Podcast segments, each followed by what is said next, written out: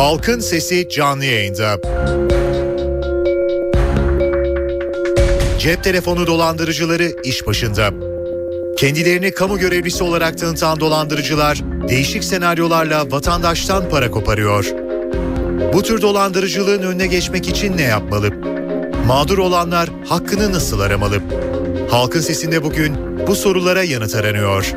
Görüşleriniz ve sorularınız için NTV Radyo Halkın Sesi telefon numarası 0212 335 4720. Elektronik posta adresimiz ise halkinsesi@ntv.com.tr.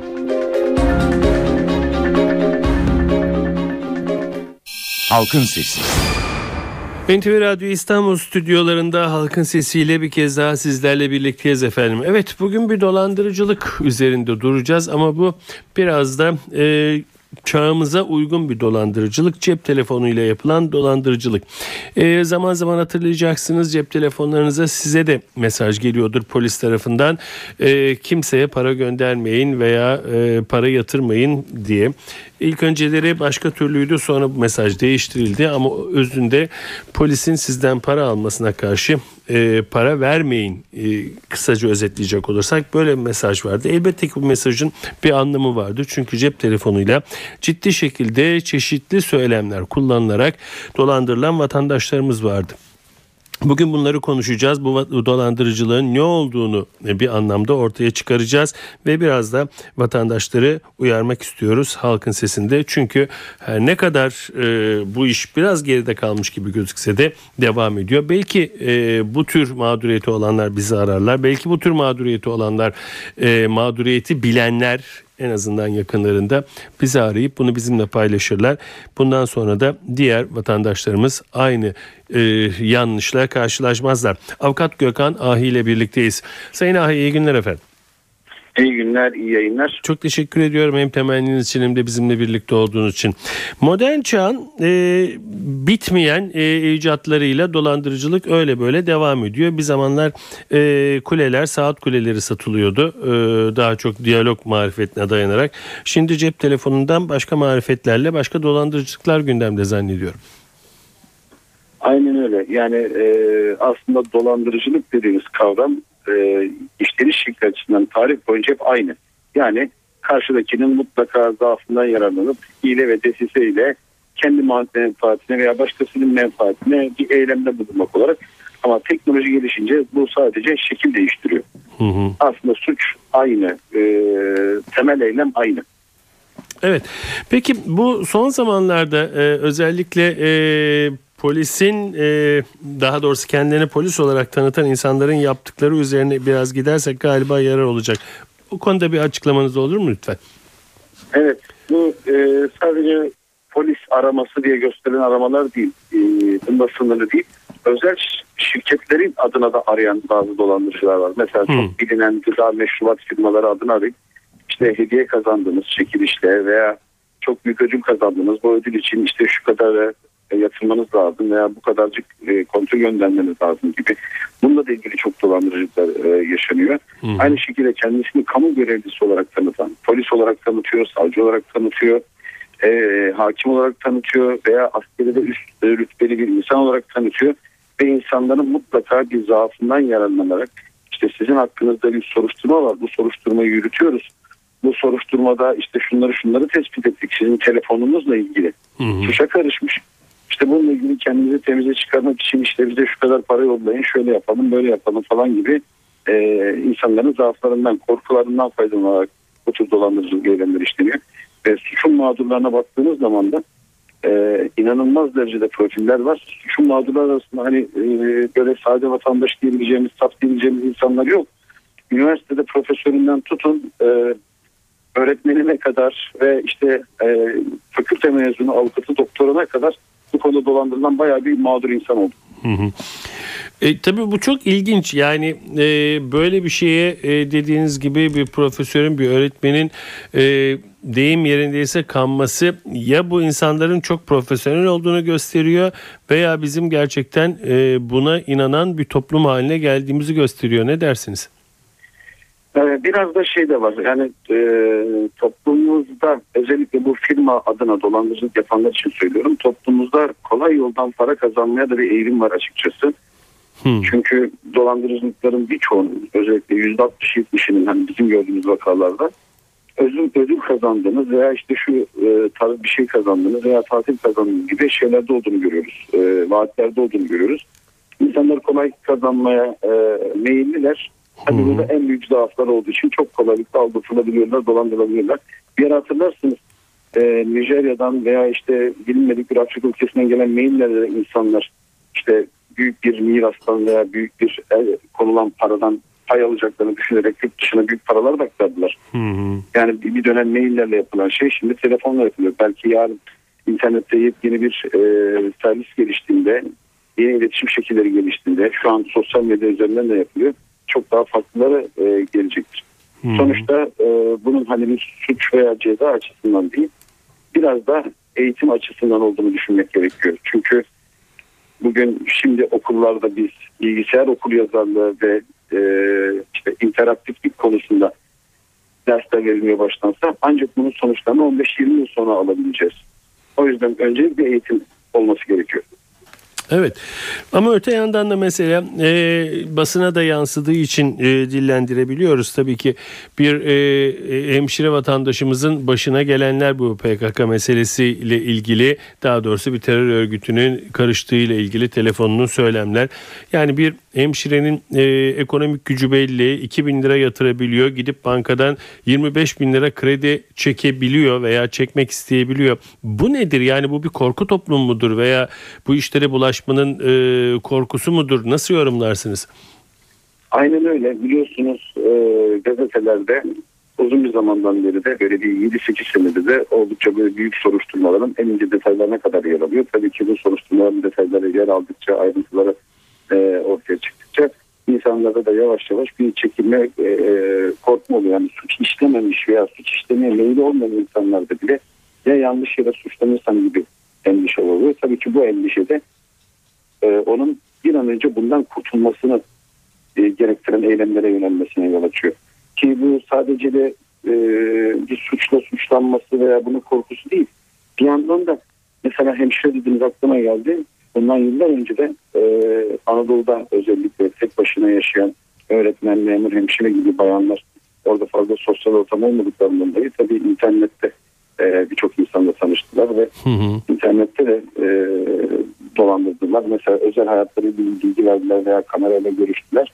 Daha sonra bu kendilerine ailelerine anlatılacağı veya işte özel şeylerin, mahrem şeylerin e, annesine babasına söyleneceği veya işte başka birilerine söyleneceği endişesiyle veya müdürüne söyleneceği endişesiyle bu insanlardan da para talep edildi şantajda ve e, kredi çeken bu e, arabasını satan birçok insanın mağduriyetini hem gazetelerde okuduk hem de adliyelerde gördük.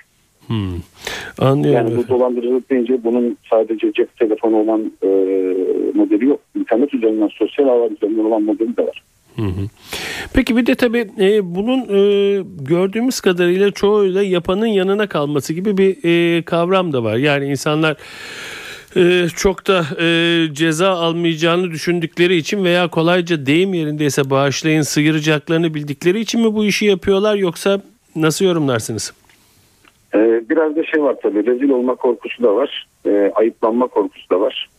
Yani böyle bir şeyden dolayı haber olmak istemiyor veya e, bununla ilgili işte ben dolandırıldım demeye dili varmıyor. Birçok vaka aslında şikayet konusu bile olmuyor. Şikayet konusu olanlarda da aslında yani gayet emniyette iyi çalışmalar yapılıp bu kişiler yakalanabiliyor. Bunun cezası da öyle hafif falan da değil. Nitelikli dolandırıcılık sıfatına giriyor ve nitelikli dolandırıcılık da 2 yılla 5 yıl arası hapis cezası gerektiriyor. Hmm. Yani sonuçları da çok hafif. Az, Yakalanmış. az buzda değil doğru söylüyorsunuz ya. Peki e, en azından e, terör örgütüyle ilgili e, meselede polis bu konuya biraz daha e, yardımcı olmuş vaziyette sosyologlardan, psikologlardan yardım alındı ve en azından mesajların biraz daha düzeltilerek e, gönderildiğini biliyoruz e, vatandaşlara. E, şirketlerin bu konuyla ilgili e, kendilerinin bir yaptırımı var mı bu işi engellemek için size ulaşan? Yani e, bu konuyla ilgili bir yaptırım yok ancak bilgilendirmeyle olabilir, kamu spotlarıyla olabilir ve şeyle olabilir yani eğitimle olabilir. Başka bunu engellemenin çaresi yok. Yani suçu cezaya ağırlaştırmak veya suç politikalarını değiştirmekle çok ilgili değil açıkçası. Yani Hı hı. insanların e, modern hayatın getirmiş olduğu teknolojik cihazlardan yararlanmayı bilmesi ve bundan gelecek tehlikeleri de bilebilmesi, öngörebilmesi lazım. Buna göre. Peki o zaman e, konuşmanın sonuna doğru giderken sizin en azından dinleyicilerimize söylemek istediğiniz böyle mesaj alanlar veya böyle bir e, duyum aldıklarında yapması gerekenler nelerdir, ne yapmaları gerekir? İsterseniz onunla biraz sondan sona doğru gidelim. Tabii ki. Öncelikle şunu söyleyeyim. Ee, hiçbir kamu görevlisi, savcı, hakim, polis durup dururken bir insanı arayıp da şununla suçlanıyorsunuz, bununla suçlanıyorsunuz demez. Zaten bir soruşturma yürüyorsa bu soruşturma ile ilgili size resmi bir e, ifadeye çağrı e, mektubu gelir veya çok daha ağır bir suçlaması zaten kapınıza gelir polis sizin ifadenizi almak için. Bunun dışında e, tüm soruşturmalar ve işte hukuki adliye ile ilgili işlemler aynı zamanda UYAP servisi üzerinden yani Ulusal Yargı Projesi üzerinden de yürüyor. Bu UYAP'a kayıtlı olan e, vatandaşlara haklarında açılmış davalarla ilgili kısa mesajda bilgi veriyor resmi bir kanaldan. Yani 40-60 numaradan. Onun dışındaki hiçbir mesaja ve hiçbir telefona itibar etmemeleri gerekiyor. Eğer böyle bir mesaj veya bir e, yazışma gelirse veya bir böyle bir telefon gelirse mutlaka bunu ilgili makamlardan doğrulatmak gerek. Yani böyle doğrulatmadan oradaki ifadelere güvenmemek gerekiyor. Bunun dışında da e, diğer bir husus mutlaka bilgisayarlarında, cep telefonlarında güvenlik önlemlerini almaları lazım. Yani öyle çok zor bir güvenlik önlemi de yok. Basit güvenlik önlemleri. Hı hı. Peki e, Bununla ilgili bilgileri de internette zaten bulabilirler. Evet. Ee, bununla ilgili tabii böyle bir mesaj aldığında e, zannediyorum e, polisle paylaşmaktan ve bunu polise bildirmekten de çekinmemek gerekiyor değil mi? Kesinlikle yani e, suçun mağduru olup e, para kaptırmaktansa veya bir şey kaptırmaktansa bunu polise bildirmek ve suçun mağduru olmamak çok daha önemli tabii ki. Hı hı. Zaten suçun mağduru olduktan sonra birçok kişi de utancından veya işte kınanacağından arkadaşları çevresinden saflıkla değerlendireceğinden dolayı şikayet konusu bile yapamıyor. Anlıyorum. O yüzden e, ne olursa olsun resmi makamdan doğrulatmak ve böyle bir şüphe olduğu takdirde polise bildirmek gerekiyor.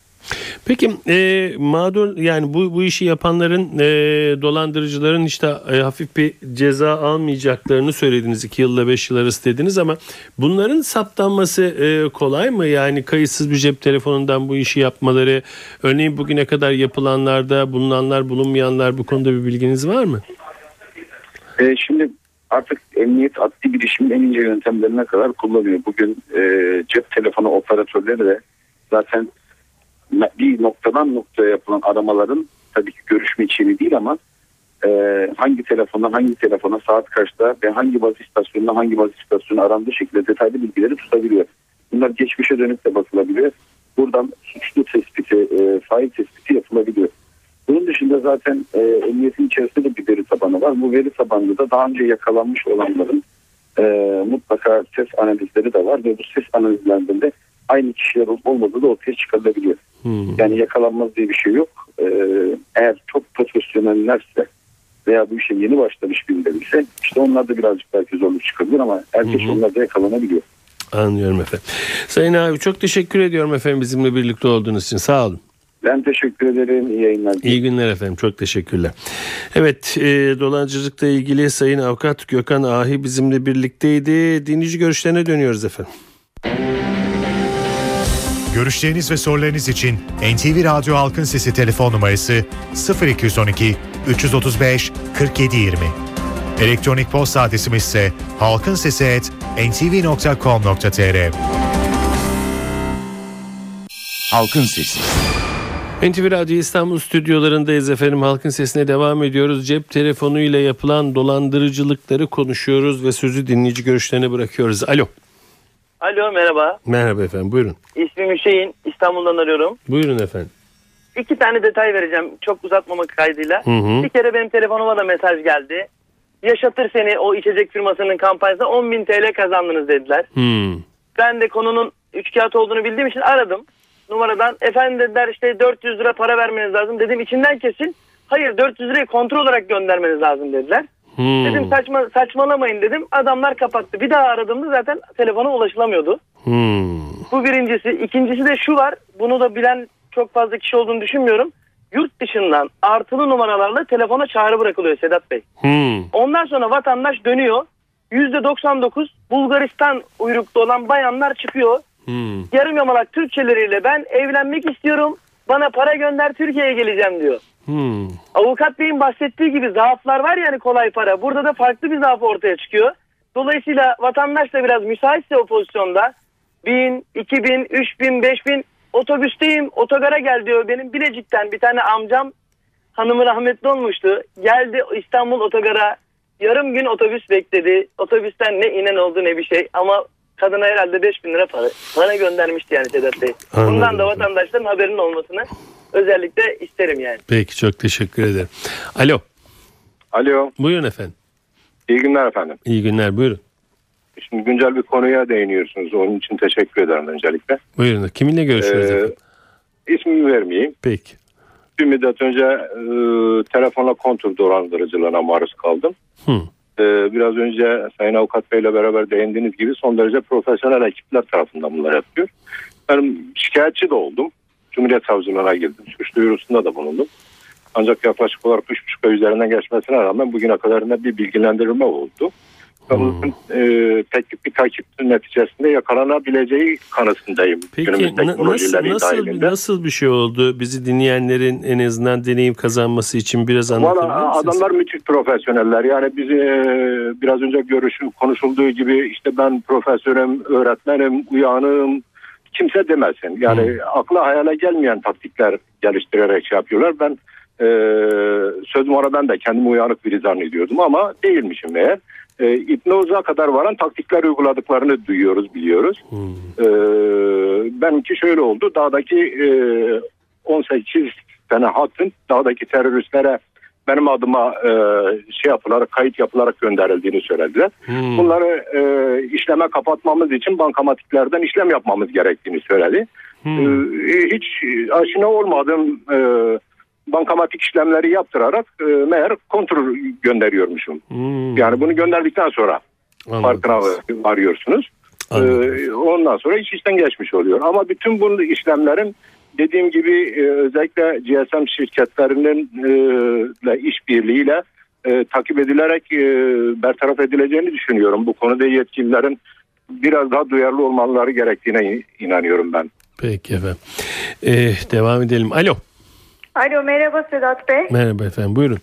Ee, benim başıma da böyle bir şey geldi. Yaşadığım şeyi anlatmak istiyorum ki insanlar biraz daha e, uyanık olsunlar diye. Lütfen. Ee, bir öğle vakti iş yerindeyken telefonum çaldı. Açtım arkada polis e, sirenleri falan. Hmm. Birisi bana işte e, efendim e, kiminle görüşüyorum? Ondan sonra Nermin Hanım'la mı görüşüyorum? Evet dedim ben. Şaşırıyorsunuz çünkü adınızı da biliyorlar. İşte efendim ya, dışarıda bir sürü yakınınız var. Böyle bir polis e, sireniyle falan işte ben komiser bilmem kim falan diye arayınca ister istemez korkuyorsunuz. Acaba yakınlarımın başına bir şey mi geldi diye. Yani bir de böyle karakolla falan hiç e, ulaşmayan veya görüşmeyen birisiyseniz çok korkuyorsunuz. İşte efendim sizin telefonunuz e, yasa dışı bir örgüt tarafından kopyalanmış. Ondan sonra işte sizinle e, ilgili bu işlem yapabilmemiz için e, sizinle işte kontur göndermiş. Şey, ha pardon e, telefonunuz şey yapılmış diyorlar. İşte yasa dışı örgüt tarafından kopyalanmış. İşte neredesiniz? İş yerindeyim dedim. İşte iş yerinin kaçıncı katındasınız?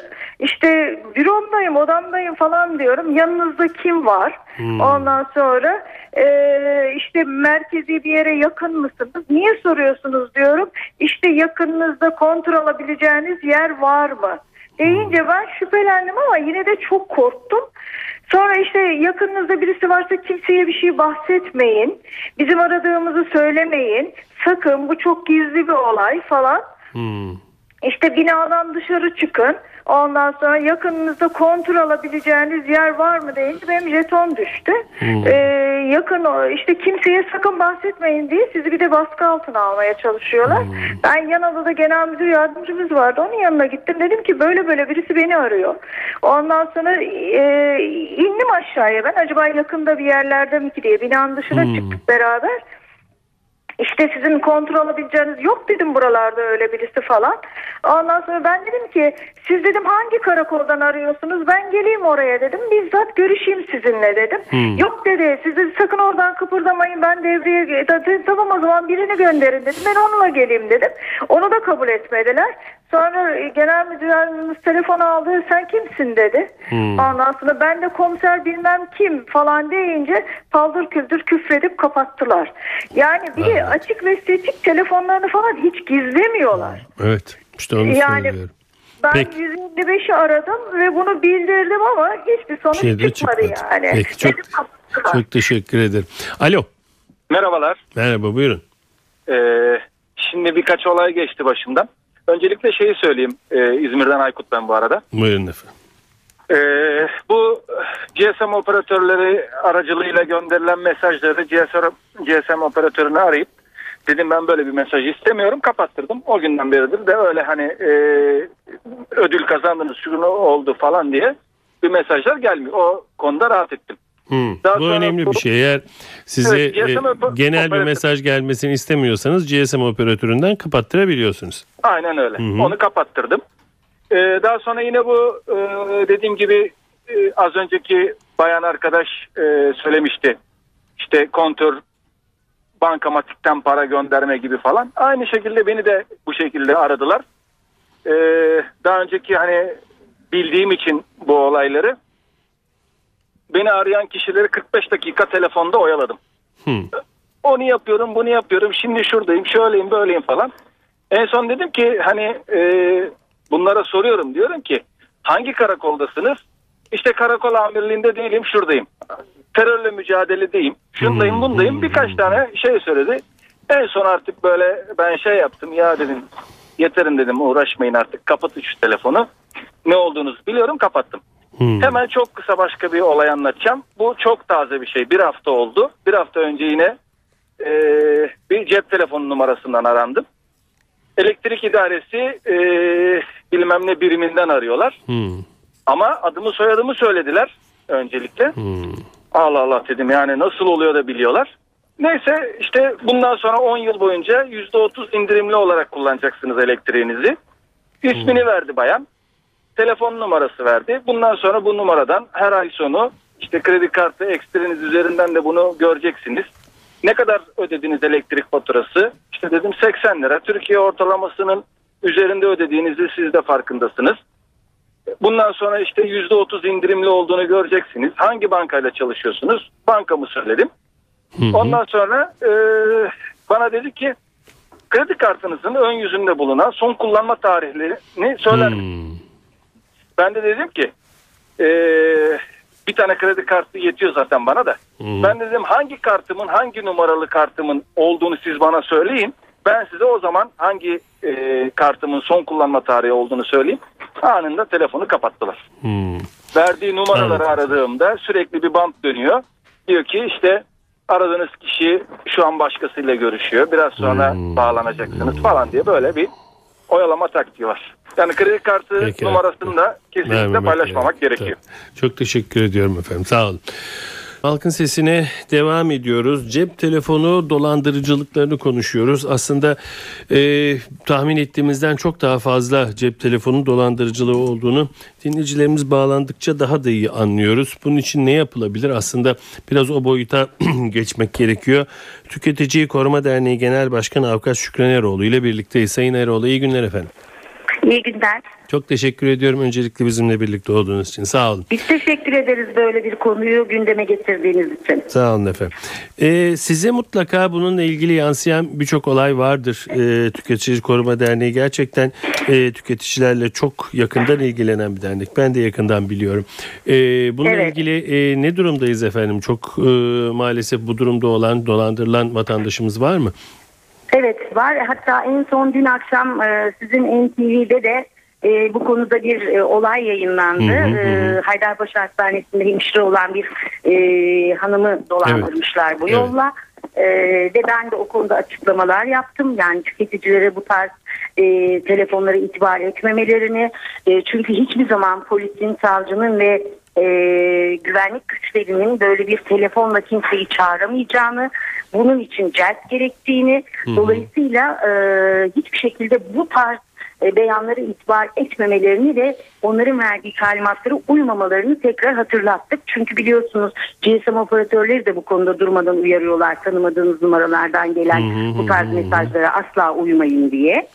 E, o nedenle tüketicilerimizin bu tarz e, gelen dolandırıcı insanlara hiçbir şekilde itibar etmeyip telefonlarını kapatmaları gerekiyor E, ve yapılan e, verilen talimatlara da asla uymamaları gerekiyor. Ee, aslında e, karşı yani e, vatandaşın karşısında da çok ciddi profesyonel kişilerin olduğu belli ki e, son derece e, inandırıcı davranıyorlar. Yani insanlar Evet. işte son derece eğitimli insanlar da buna kapılıyor falan diye bir ayrım yapmak istemiyorum vatandaşların arasında ama ciddi inandırıcı bir takım söylemler olduğu ortada. Yani insanlar buna ne yazık ki kanabiliyor. Ama kandıktan sonra veya bu işi e, tam son anda fark ettikten sonra bu işin üzerine gidip bu işi yapanları en azından yakalatma yolunda e, bir girişim var mı e, sizin bildiğiniz? Şimdi tabii burada vahim bir durum var. Yani bizim toplumumuzda e, güvenlik güçlerinin ya da resmi makamların bu tarz şeyler yapabileceği düşüncesinin olması bir kere vahim. Yani kimse bir dakika böyle şey olmaz. Resmi makamlar böyle şey yapmaz. Bunun bir hukuki yolu vardır diye düşünmüyor ne yazık ki. Ayrıca bize gö- e, bu e, görüşmeler gösteriyor ki sonuç olarak e, insanların bir takım korkuları var ve toplum ciddi bir e, panik halinde. Yani herhangi bir durumda hemen o korkuya kapılarak yapılanı ve verilen emirleri maalesef dinliyoruz. Bir kere bu anlamda e, bu imajın bir değiştirilmesi lazım. Yani topluma bir güven verilmesi lazım. İkincisi GSM operatörlerinin de bu konuda çok ciddi önlemler almaları lazım. Çünkü bakıyorsunuz bir kişinin adına 40 tane hat açılmış. E, bunun gibi bir sürü e, suistimalleri de biz e, şikayet olarak alıyoruz. Yani e, bir türlü tüketicinin TC kimliğini ya da e, nüfus cüzdanının örneğini elde ediyorlar ve onun üzerine 40 tane 50 tane hat açıyorlar. Bu konuda GSM operatörlerinin de gerekli duyarlılığı gösterip kendi bayilerini denetlemeleri gerekiyor. Bu bilgilerin doğru olup olmadığını mutlaka denetime tabi tutmaları gerekiyor. Biliyorsunuz bir e, Bilgi Teknolojileri ve İletişim Kurumu bu konuda GSM operatörlerine bir sürü yaptırım uyguluyor ve direktifler veriyor ama uygulamaya baktığımız zaman yeterli bir denetim yok bu ortamda. Ee, tüketiciler ne yapabilir? Savcılığa şikayet ettiklerinde maalesef bu numaraları hemen kapattıkları için e, bu işi yapanlara ulaşmak e, adeta mümkün değil. Ama ne yapılabilir? Bence GSM operatörleri de e, işin içerisine sokularak onların da yeterli e, e, ihtimamı göstermedikleri ve mütebbir bir facir gibi davranmadıkları beyan edilerek GSM operatörlerine karşı da şikayet yoluna başvurulabilir diye düşünüyorum. Evet e, ama e, yani şikayetçi olan bir takım daha doğrusu böyle bir olay başından geçmiş vatandaşların söylediği de çok da bir sonuç alamadıkları e, Evet, evet. ve e, yapalın yanına kaldığı şeklinde. Onun için Şimdi de galiba şöyle artıyor bu o olaylar. telefon numarası üzerinden şikayet haklarını kullandıkları için zaten o telefon numaralarını bir defa mahsus olmak üzere kullanıp hemen kapatıyorlar. Hmm. Dolayısıyla burada GSM operatörlerini ve bayileri de işin içerisine sokarsak bir sonuç alırız diye düşünüyorum. Çünkü biliyorsunuz ticaret kanununa göre bunlar ticari şirketler mütebbir davranmak zorundalar ve yeni değişen ticaret kanununa göre de saldırgan satış yöntemlerini ve dolandırıcılığa karşı kendi abonelerini e, korumak zorundalar. Her türlü güvenliği almak zorundalar. Dolayısıyla onlar ispatlasın her türlü güvenliği aldıklarını ve buna rağmen bu olayın vuku bulduğunu. Evet. Ben GSM operatörlerine karşı da tüketicilerin şikayet haklarını mutlaka kullanmalarını söylüyorum. Peki. Sayın Eroğlu çok teşekkür ediyorum efendim bizimle birlikte olduğunuz için. Ben Sağ olun. teşekkür ediyorum. İyi yayınlar İyi diliyorum. günler dilerim. Sağ olun. Tüketici Koruma Derneği Genel Başkanı Avukat Şükran Eroğlu ile birlikteydik. Sözü yine dinleyicilerimize bırakıyoruz. Görüşleriniz ve sorularınız için NTV Radyo Halkın Sesi telefon numarası 0212 335 4720. Elektronik posta adresimiz ise halkinsesi@ntv.com.tr. Halkın Sesi. NTV Radyo İstanbul stüdyolarındayız. Halkın sesine devam ediyoruz. Cep telefonu ile yapılan dolandırıcılıkları konuşuyoruz. Sözü dinleyici görüşlerine bırakıyoruz. Alo. Alo. Buyurun efendim. İyi akşamlar Sedat Bey. İsmim akşamlar. Nurettin Aslan. Buyurun efendim. Ee, Kartal'dan arıyorum. Ee, böyle bir olay bizim de başımıza geldi de. Hı hı. Ee, hatta benim kızımın telefonuydu. O anda da kızım benim yanımdaydı dükkanda. Ee, hemen telefonu aldım. Ben polisim diye aramış herhalde. Ben aradım. Siz nereden arıyorsun falan. Polisim falan şu bu deyince adam bu sefer e, şey yaptı. Ben anladım zaten olayın. Çünkü biliyorum Hmm, ne olduğunu. hmm, Anlayınca e, hmm. Sonra te- hakaret. Telefonu kapattı. Zaten telefonda gelen telefonda kaydoluyor ya telefonda hemen belli oluyor. Evet, evet. Ben telefonunu aldım. E, ondan sonra işte 155 aradım polisi. Hı. Anlattım böyle böyle diye. Hı. O, o polisler bana dediler ki itibar etmeyin. E, işte buna dolandırıcı dediler. Zaten ben dolandırıcı olduğunu biliyordum. E, dedim yani ne yapmam gerekiyor? Hı. Biz dediler işte bakacağız icabına. O gündür bugündür bakacaklar. Hiç bana bir şey gelmedi. Hmm. Yani e, bilmiyorum ya ilgilenmiyorlar veyahut da onlar da biliyorlar bunların dolandırıcı olduğunu. Çünkü ben anladım ama yani ben polisten de ilgilendiğini zannetmiyorum. Hmm. Anladım. Yani e, herhalde yani kimseyi bu şey, bir şeyle ilgilenmiyor. Bu, bu dolandırıcı olduğunu herkes biliyor. Ben telefon numarasını da verdim sonuçta polise. Sonuçta Evet. mesela bana hakaret diye ben bir de suçlusunda da bulundum. Dedim lütfen dedim bana dedim, dönün dedim. Hmm. Ama bana hiç kimse dönmedi. Çünkü sonuçta hem beni dolandırmak için arıyor hem bana hakaret ediyor. Yani kötü laflar da kullandı. Evet. Ee, ama ben polise söyledim ama bana hiç tarihten hiçbir şey gelmedi. 3 üç ay. Peki Nurettin Bey. Alo. Alo. Beni duyan var mı bu hatta efendim? Hatta çık ama niye? Evet öbür hatta bakalım. Alo. Efendim abi. Ee, buyurun efendim. Al, e, merhabalar. Merhaba. Radyonuzun sesini kapatabilir misiniz lütfen? Ha, ha. Ha, radyoyu mu? Kapatayım abi bir dakika. Kapattım. Peki. Kiminle görüşüyoruz efendim? Abi ismini vermesem olmaz mı? Çünkü başka Olur. böyle bir mağduriyet yaşadım Olur da. olur olur olur. Buyurun. Ee, şimdi bu yurt dışından gelen telefonlara e, halkımızın itibar etmemesini istiyorum. Yurt dışından arıyorlar. Genellikle zaten bayanlar arıyor. Hı hı. İşte şöyle oldu böyle oldu işte ben evlenmek istiyorum. Ee, işte bana para gönder falan. Neyse biz de bu şeye kapıldık diye.